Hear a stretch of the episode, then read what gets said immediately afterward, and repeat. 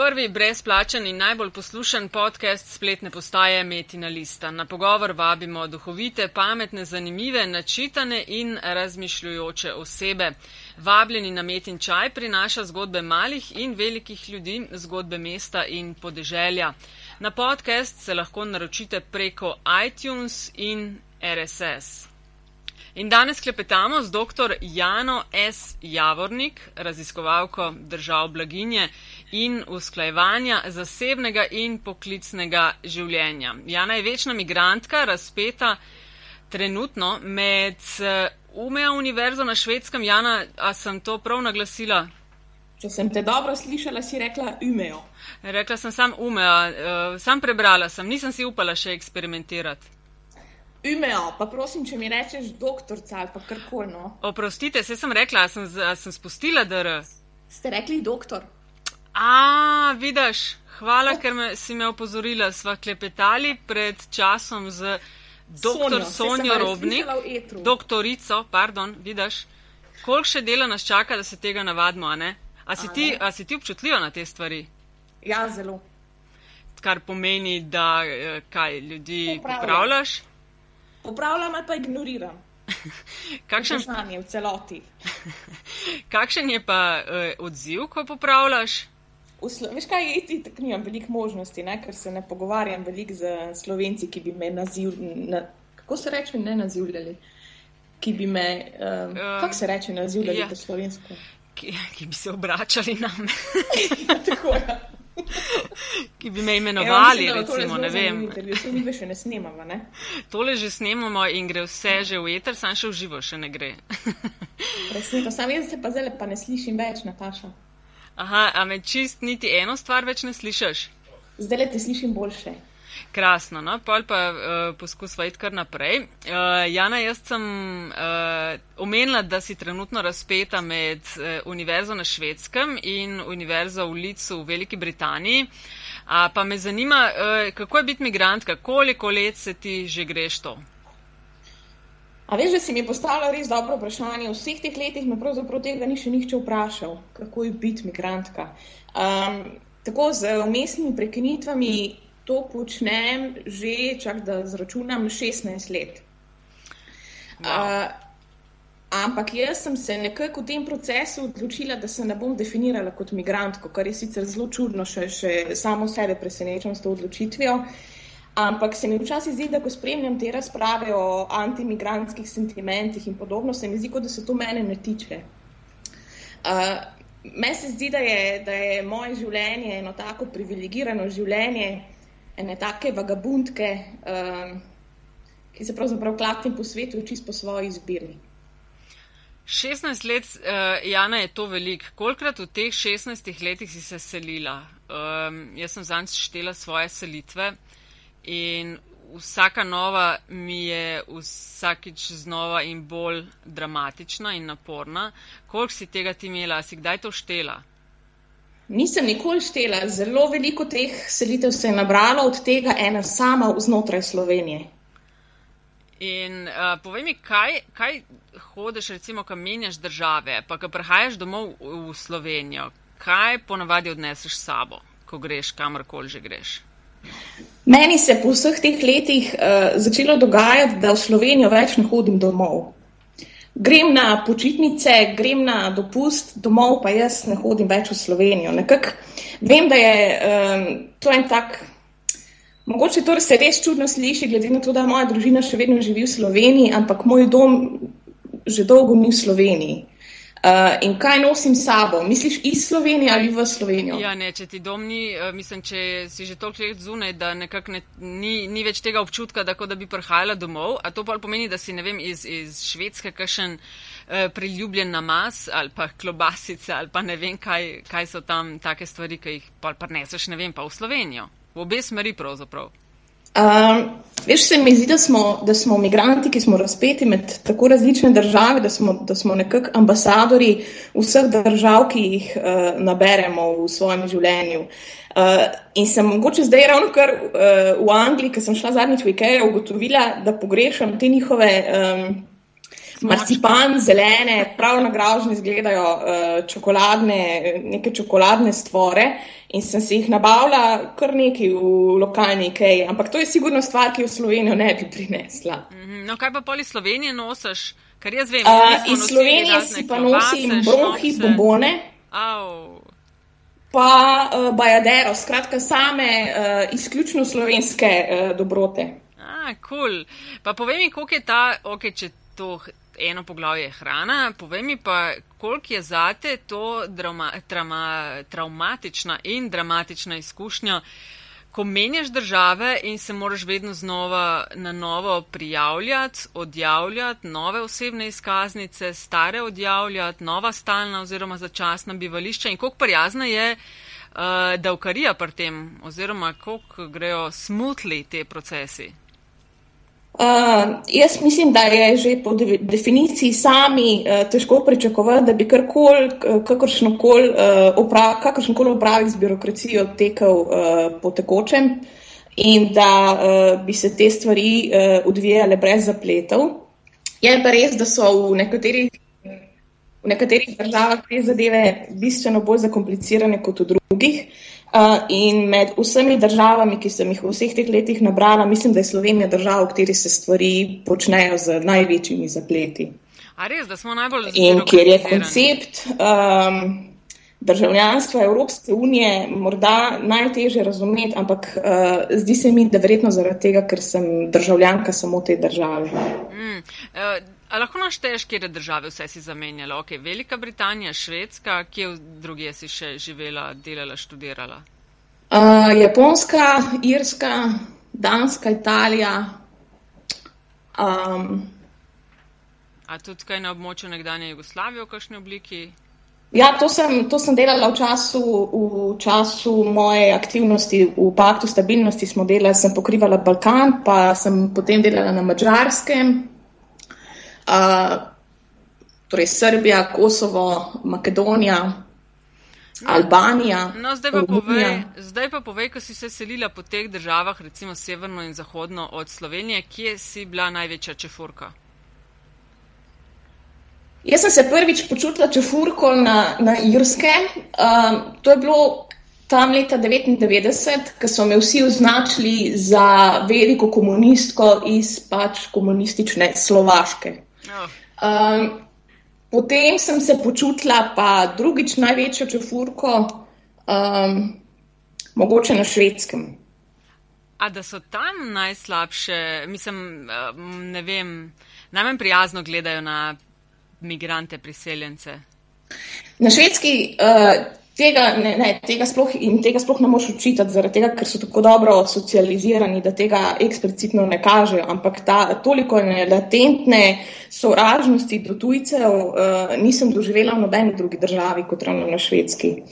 In moji prijatelji, ki proučujejo te antimigranske sentimente, uh, imajo zelo velik težav pridobiti kakršne koli raziskovalne sredstva na švedskem, ker namreč uh, dokazujejo teze, da je švedska bistveno bolj neprijazna do migrantov, kot, je, uh, kot velja splošno prepričanje v tej državi. Ja, to je zelo hecno, ne? točno to, zdaj, kar si omenila, kot velja splošno prepričanje, ker Skandinavijo se velikrat postavlja za vzor, za zgled na mnogo področjih. Ne? Uh, očitno je to eno od tistih, kjer uh, mogoče niso ravno najbolj za vzor. Jaz sem živela na Danski med leti 1999 in 2000, oziroma 2001, in sicer ravno v trenutku, ko je socialna demokracija doživljala svoj zaton. Uh, v tistem trenutku uh, sem se dejansko počutila, no, recimo, Danska je sigurno država, v kateri sem se jaz počutila večjo čefurko kot kadarkoli na, na švedskem. Uh, Uh, v tistem trenutku, takrat, tistega tam 2000-2001 leta, je namreč social, socialdemokracija doživela, uh, se spomnim na uh, velikih napisov, lahko noč, uh, lahko noč demokracija, lahko noč um, odprta družba. In uh, res je bilo takrat, uh, vsaj, vsaj moj občutek je bil tak, no, da, je, uh, da je biti nevarno tujc, no, zlasti recimo iz držav bivše Jugoslavije. Uh, In v tistem trenutku, recimo, si jaz nisem niti upala govoriti, po, ko sem zvečer hodila po ulicah, ker nisem govorila dansko, si nisem upala govoriti nobenem od jezikov, ki jih obvladam. Hm.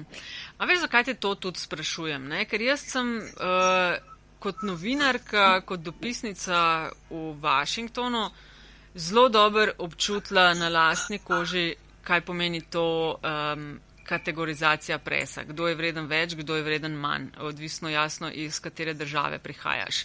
Kolegi iz, um, ne vem, Nemčije, Britanije, Francije, Italije, Španije so imeli med nami, evropejci, sigurno um, mal višji status od nas, ki smo prihajali, ne vem, iz Romunije, Bolgarije, Slovenije, Slovaške. Zate kot uh, nekoga, ki dela v akademiji, se to tudi pozna, ali se tam vendarle vse en potegne črto, pogleda CV, mimo grede svoj CV je mm, totalno norno, ampak se tam gleda CV, ali se tudi ve točno, kdo je iz Slovenije je vreden toliko na lestvici, kdo je iz Britanije pa toliko.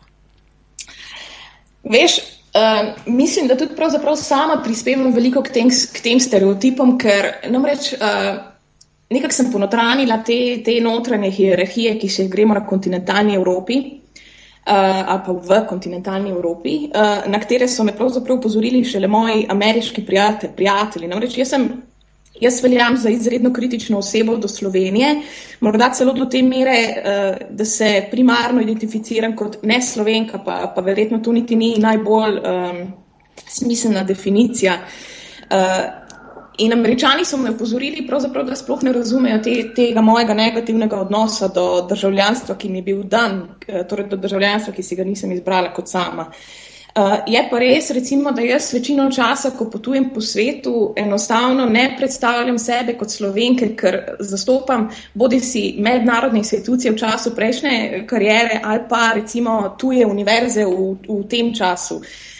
Je pa recimo v akademiji, vsaj tak je moj občutek, uh, prav tako neka notranja hierarhizacija, ki si jo, ki si jo omenila sama in sicer um, tipa uh, raziskovalke in raziskovalci iz ostalih vzhodnoevropskih držav veljajo recimo za, um, ko naj se izrazim dovolj diplomatsko, uh, za ne dovolj prestižne uh, uh mhm. -huh.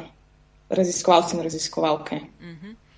Kakšna je pa razlika med temi različnimi akademskimi svetovi, eh, ki si jih ti izkusila? Eh, ne vem, na Danskem, na Švedskem, v Veliki Britaniji, del v Sloveniji.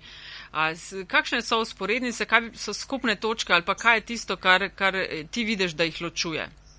Vprosti, nisem slišala prvega dela tvojega vprašanja. Samo zanima me, kakšne so uh, razlike med temi akademskimi svetovi.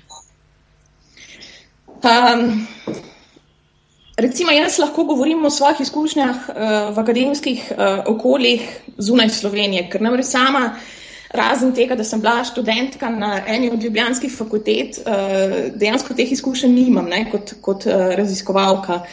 Uh, med zunanjimi je pa tako, ne, da je treba zelo hitro pogruntati uh, in naštudirati pravila igre, ker ima namreč vsaka univerza. Uh, pa je lahko tudi univerza znotraj iste države, vsaka univerza svoje notranja pravila.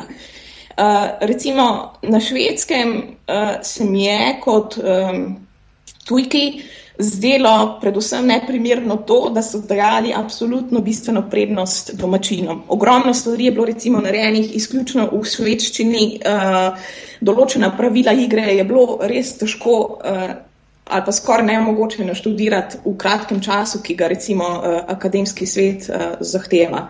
V Angliji se mi zdijo te stvari bistveno bolj transparentne, zaradi tega, ker je to predvsem tržno naravnan sistem. In kot tržno naravnan sistem ima pač tudi določena, uh, določena pravila igre, ki jih uh, lažje razumeš, uh, če, ko, če in ko se sprijazni z dejstvom, da pravzaprav nastopaš na trgu. In kje je tebi, bi rekla, najbolj mogoče pisan na kožo? Jaz vem, preden si se preselila v Lic, si imela uh, med drugim tudi ponudbo Oxforda, ne? Uh, boš tudi razložila, zakaj si dala prednost Licu, ampak kje recimo si se ti počutila najboljš? Jaz sem. Um... Zdaj, v tem trenutku sem se odločila za LIC kot mojo primarno institucijo, predvsem zaradi tega, ker, je vsebinsko, ker je vsebinsko bliže mojemu raziskovalnemu področju uh, in ker mi je pravzaprav ponudil več možnosti za uh, akademsko ustvarjanje. Uh, sem pa uh, sicer zavrnila Oxford, ampak smo z Oxfordom v okviru tega uh, projekta, ki ga trenutno izvajamo, uh, sklenili sodelovanje, tako da jaz pravzaprav zdaj delujem med obema univerzama, uh, skratka, kompromis. Uh -huh. Jaz sem si, kot, veš, kot ta ena taka tipična slovenka, recimo, vedno želela uh, biti članica neke prestižne univerze. Ampak, če sem se v času tega klatenja po svetu česa naučila, sem se zagotovo tega, da uh, univerza, prestižna univerza, ni nujno, uh, tist, ni nujno tisto optimalno in uh, na tvojem področju ne nujno tudi najboljša. Recimo sociologija na Oxfordu, sploh pa socialna politika, recimo v tem trenutku ne veljata ravno za eno najbolj prestižnih. Uh, v Evropi. Mhm. Brend pa je, ne? da recimo.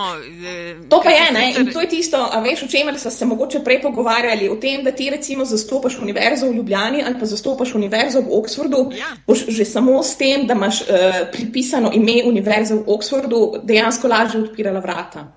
Uh, ali pa ti bodo la, vrata, recimo, že pri nekaterih avtomatsko odprta. Um, ja, ja, ali pa se te bo, recimo, zveč... Pa niti na garant kvalitete, ne, absolutno. Ja, ne. ja, ja, ja, ali pa se te bo, recimo, ve z neko večjo miro spoštovanja gledalo na te, ker eh, si pa ja, ne vem, na eni od top univerz ali diplomiral, doktoriral ali sodeluješ. Ampak ni nujno. To sem slišala že od, od večjih ljudi, ki, so, ki imajo te izkušnje. Ne? Eh, da po eni strani sicer ja, brand in vse ostalo, po drugi pa gre bolj za štanco na programih. Eh, Manje tistega. Ne vem, tailor-made programov, osebnega stika, profesori, študenti in tako dalje. Zdaj tako je, veš, recimo v, v Veliki Britaniji imaš um, več različnih notranjih hierarhi, uh, hierarhizacij uh, univerz. Ne? In recimo Lic nikoli ne bo ena od tistih petih um, svetovno, svetovnih znamk. Ne? Zagotovo bo pa, bo pa dobra univerza.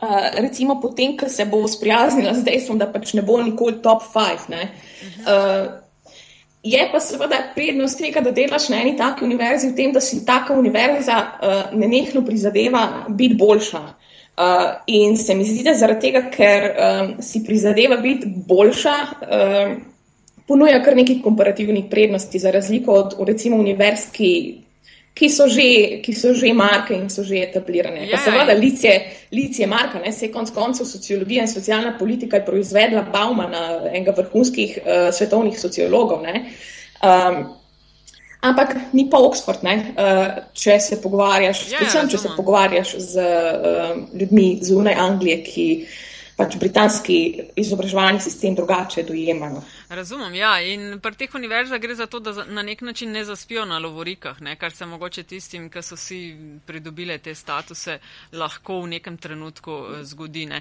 Povej mi, koliko imaš ti stika z študenterijo v tem, kar delaš? Ali je vse izključno raziskovanje ali imaš tudi kakšna poučevanja? Zanima me namreč zato, ker. Um, zelo različne zgodbe slišim od profesorjev in profesoric glede izkušenj študenti, kje so aktivni, kje bolj sprašujejo, kje uh, so, ne vem, apatični. Moje primarne pogodbe na vseh univerzah, na, na, na katerih sem do zdaj bila, so bile 100-odstotno raziskovalne, ampak um, recimo in to je tudi ene, ena svojvrstna ironija uh, akademskega sveta, uh, In sicer v tem, v tem da, da se ti kot raziskovalka in akademičarka delaš skozi lastne raziskave, uh, stalne službe se pridobivajo izključno preko poučevanja. Kar pomeni, da ti uh, dejansko, če želiš ostati v akademiji, moraš vlagati tudi v to pedagoško, uh, v pedagoško dejavnost. Možnosti so pa seveda razmeroma omejene, zlasti, če imaš ti 100-odstotno raziskovalno pogodbo.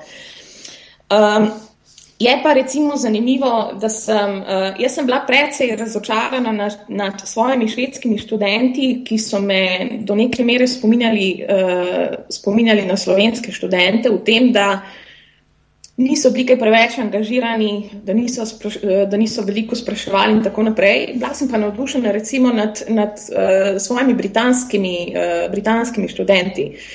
In ko smo se s kolegi pogovarjali, smo recimo pogosto prišli do zaključka, da so britanski študenti bistveno bolj kritični uh, odjemalci pedagoških storitev, kot so naprimer slovenski in švedski, ker je pravzaprav izobraževanje še vedno um, javna dobrina, dok, ok, javna dobrina tudi v Veliki Britaniji, ampak v Sloveniji in na švedski recimo študenti ne rabijo plačevati šolnine. Aha, no, kar, pomeni, te, to, kar ja. pomeni, da se um, recimo tukaj v Veliki Britaniji ti dobiš eno leto negativne ocene ali pa dve leti zapored negativne ocene študentov, um, je zelo velika verjetnost, da v, da v predavalnico ne boš imel več vstopane. No, zaradi tega me je zanimalo, če je mogoče to, kar si omenila, da študenti, če jih recimo prvo leto ne bojo aktivni ali pa jih ne bo na predavanjih, da naslednje leto morda ne bodo imeli več vstopa v učilnico. Je to posledica tega, da nekje so plačljivi, neplačljivi študiji oziroma v Britaniji si tako omenila, da je tudi neke vrste javni sistem. Ne? Ja, uh, univerza je javna, ne? ampak se financira predvsem uh, skozi uh, šolnine. In te šolnine so se recimo uh, v zadnjem letu res izjemno povečale in sicer stanejo približno 9000 funtov letno, na letnik torej. Uh, In sicer ne glede na to, ali je študent upisan na odlično univerzo ali upisan na poprečno univerzo, kar pomeni, da je pritisk na uh, univerze izjemno, viso, izjemno visok in sicer z, uh, z vidika zagotavljanja storitev uh, visoke kvalitete. Mhm. Se pravi, če te jaz prav razumem, ugotavljaš po teh tvojih izkušnjah, ki jih imaš v različnih akademskih svetovih, da je opazno, da so študenti aktivnejši tam, kjer si morajo za svoj študij, eh, kjer to plačujejo, da so na nek način potem zaradi tega tudi zahtevnejši eh, odjemalci vaših storitev. Zdaj se veš, jaz posplošvati ne morem, ne konc koncev imam omejene izkušnje, ampak po, recimo potem, eh, ko se pogovarjamo s kolegi, smo pravzaprav pač delimo to izkušnjo, da, da tako kot si, kot si ugotovila, da so dejansko britanski študenti bistveno bolj zahtevni in bistveno bolj kritični in tudi bistveno bolj angažirani študenti. Mhm. Povej mi, kako je pa biti uh, ženska v akademiji? Um, Dobro vprašanje. Ravno zadnjič smo se z kolegicami pogovarjali, pogovarjali o tem, kako dejansko, dokler ti nekdo ne postavi eh, ogledala ali pa te nekdo recimo dejansko ne prisili v to, da začneš razmišljati o svojem položaju kot ženska v, v akademiji, da dejansko misliš, da, dejansko, da, ni, da ni nikakršnih težav, problemov in da, da smo pravzaprav vsi enaki, ne glede na spolne. Potem pa ugotoviš, da, da obstajajo um, tako imenovani All Boys Networks, uh, teh je recimo v akademiji, po mojem, ravno toliko, koliko jih je v podjetjih in v biznis sferi. Ja. Um, Ker recimo old boys zelo lepo skrbijo za svoje mlajše moške kolege, medtem ko je za ženske v akademiji, na, zlasti na višjih položajih, bistveno manj prostora in je zato tudi konkurenca bistveno večja. Uh, in se mi zdi, da je med ženskami v akademiji manj solidarnosti in um, manj tega uh, tovariškega uh, sodelovanja v smislu uh, promocije uh, ostalih žensk. No? In, um, se mi zdi, da nam, da, nam res, da, da, da nam tega res manjka in da smo si pravzaprav res močna konkurenca, zlasti ženske med sabo.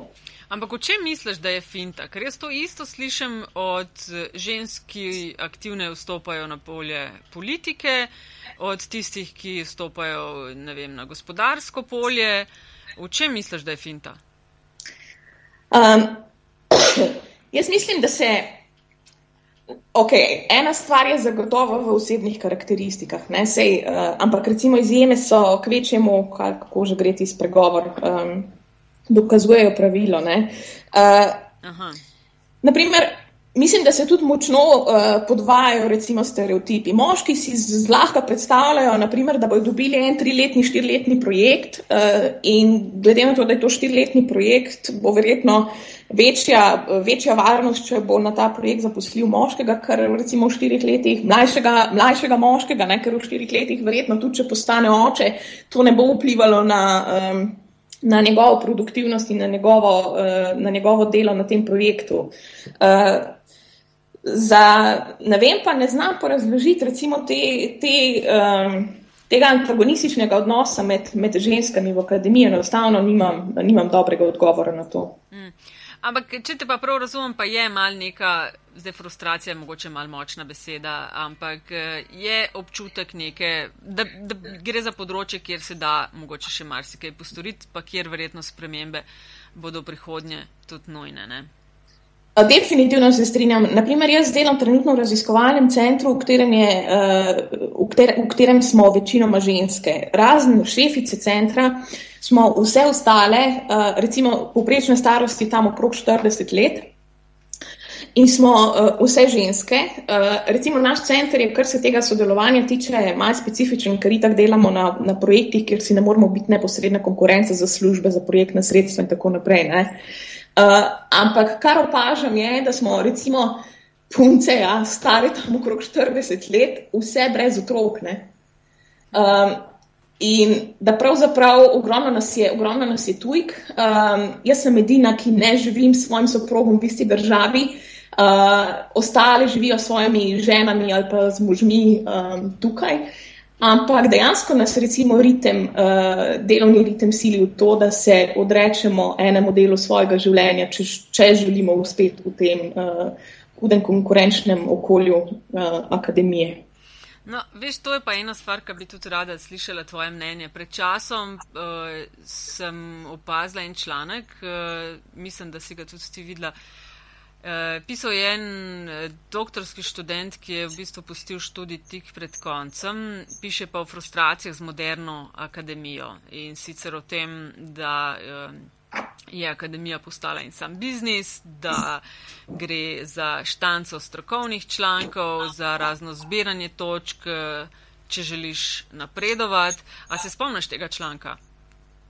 Vsak, seveda se ga spomnim. Se mislim, da je dobro razburkal takrat um, svetovna ja, javnost, ne sam. Mislim, da je ameriški članek. Mm, mislim, da res, ja. Uh, kar je lepo zaokrožil, ne, sem pa mal slišala različnih mnen, ne, od tega, da se pretirava, do tega, da ne vem, tik pred koncem, da je najlažje seveda odnehati, pa potem zlivati gnev, ker ne vem, nisi uspel narediti tizga, kar si se spravil par let nazaj.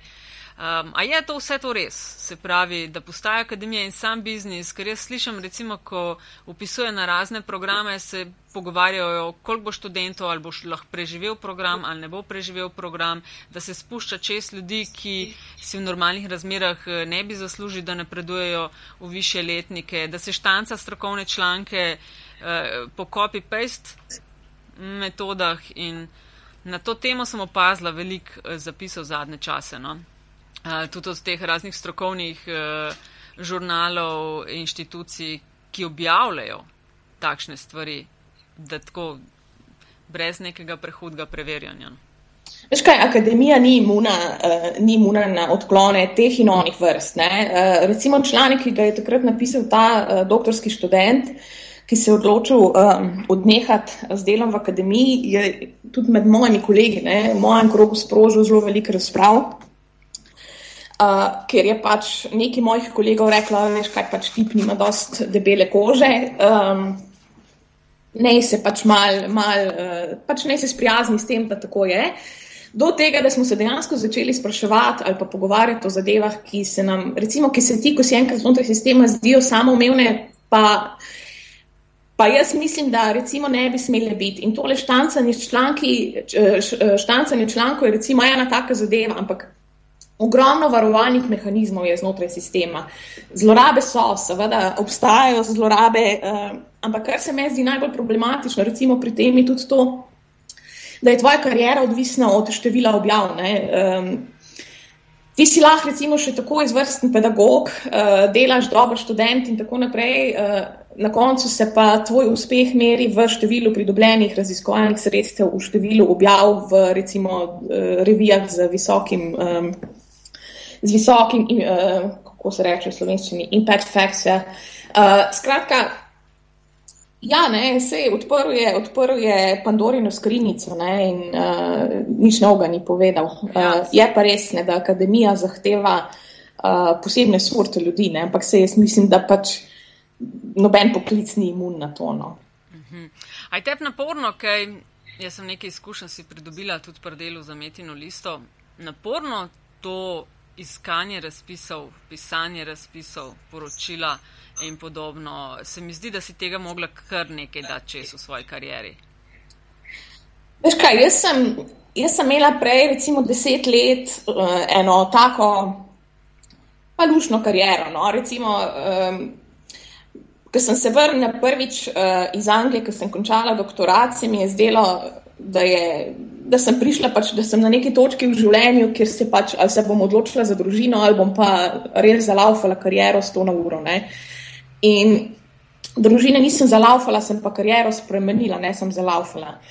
In jaz sem pravzaprav zelo pozno vstopila v ta profesionalni akademski svet. Uh, in moj prvi akademski svet je bil pravzaprav švedski, ki igra po popolnoma drugačnih pravilih igre, kjer so raziskovalna sredstva še vedno, uh, recimo, relativno. Um, Visoka, skratka, možnosti, da, da si zagotoviš uh, neko raziskovalno prihodnost, je na švedski zagotovo še relativno stabilna in varna. Um, Je pa seveda vsaka država ima svoje pravila igre in naprimer zdaj, ko sem se vrnila v Anglijo, sem morala dati res v peto predstavo, ne? ker angliški uh, univerzitetni sistem deluje po principu, da ti dobiš pogodbo za dve leti z možnostjo podaljšanja pogodbe, ukolikor ti v teh dveh letih pridobiš dovolj um, raziskovalnih sredstev, Eh, da univerza vidi potencial v nadaljevanju financiranja vate. Skratka, sredstva, vsa sredstva, ki jih recimo ti pridobiš, potem univerza podvoji, seveda pa do te mere, da si moš potem sam zagotoviti službo za naprej. Ne? In kad si me ti vprašala eh, in tisti recimo tudi, kar je študent napisal, um, seveda, kad ti iščeš raziskovalna sredstva, se prijavljaš na projekte, um, zgubljaš projekte, um, recimo dobivaš kritike, ki te, če nisi dovolj močna osebnost, lahko res popolnoma se sujejo. Poznam kar nekaj primerov, ki so, se, ki so zapustili akademijo zaradi tega procesa. Um, skratka, vse te, te se sama dobro veš, vzame to recimo ogromno energije, ogromno časa, ki bi ga sicer lahko namenila uh, naprimer neki dobri raziskavi ali pa nadaljevanju in dela na, na svojem projektu. Ampak um, jaz se.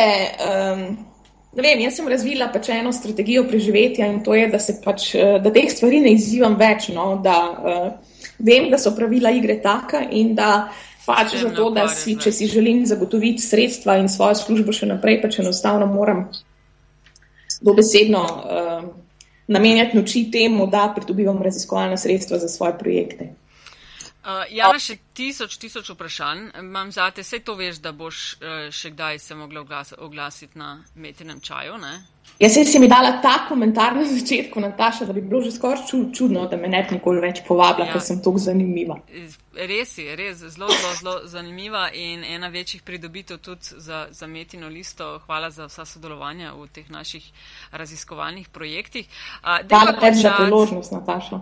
Dejva končati v mal nekem lažjem tonu, konc koncu vse mal sva na čajanki. Um, Imaš uh, kaj z nami, z poslušalstvom, da bi delila kakšen, um, pa da re, ne rečem trač, ker ima to trač ima čist slab PR, ampak uh, povej nam kaj takšnega, kar ne vemo.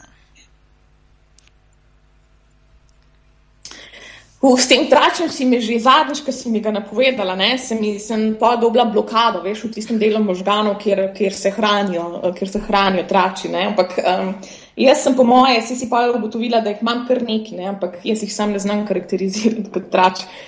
Uh, en takih, recimo, ki je meni, uh, ki ni glih tračno, ampak je meni recimo res uh, ljuba prigoda iz življenja, na katero sem tudi zelo ponosna, uh, je iz mojega obdobja dela z Sonijo Lokar, ko smo uh, v okviru pakta stabilnosti in delovne skupine za enako spolo pokrivali Balkan uh, in Albanijo in smo recimo v času Miloševičeve vlad, vlad, vladavine dobesedno fizično švrcali uh, projektna sredstva v Srbijo, uh, na Kosovo, Vojvodino in Črnogoro, zato da so ženske tam lahko um, izvajale projekte in smo recimo na Kosovo. Uh, uh, oziroma na Tromeji celo sfinancirali projekt, v katerem so ženske oblikovale uh, takrat, tak, uh, recimo neke policijske enote, s katerimi so moškim začele uh, dokazovati, kako nesmiselna je vojna. Čak maljana, fizično švercale, to pomeni, ko vertico zahlače, pa gremo. Uh, ne vprašaj, kje vse smo, uh, ne, ne, smo vprašaj, prevažali ta uh, kanadska, kanadske, ameriške in še kakšne dolarje uh, v tepikih in podobno. Okay, in recimo jaz sem se takrat naučila, da je pač denar papirna, papirna valuta. Um, In, in, no, in mislim, da sem postala profesionalna švercerka. Več nož zaupala, kje ste to skrivali, kam ste to tlačili, tepihe, pa to tudi okrog po telesu ali to? Um, Veš kaj, včasih, recimo, če si, če si zagral malo na, recimo smo imeli ponavadi zmer kako blondinko, ne, pa kako, ki je zelo dobro zgledala, uh, recimo, da je mal zavravala tam uh, policiste na, na avtobusih. Um, Skratka, promet, avtobusni promet Mačarska, Srbija je takrat potekal po tekočem traku. Uh, zelo veliko je bilo recimo uh, taktičnega prigravanja, katera prevozna sredstva uporabljati, uh, skozi katere meje uh, uporabljati recimo vlak, pa na to osebne prevoze. Takrat je to uh, šibalo sto na uro, recimo Varaždin, Varaždin um, uh, Novi Sad in tako naprej. Um, ima toga još. A, No, lej, na drugem čaju, na drugem čaju nadaljujeva tam, kjer so danes končali. Zmenjeno. Ok, Jana uh, S. Javornik, hvala, ker si bila danes z nami na vabljeni na metin čaj. Nataša, hvala za priložnost.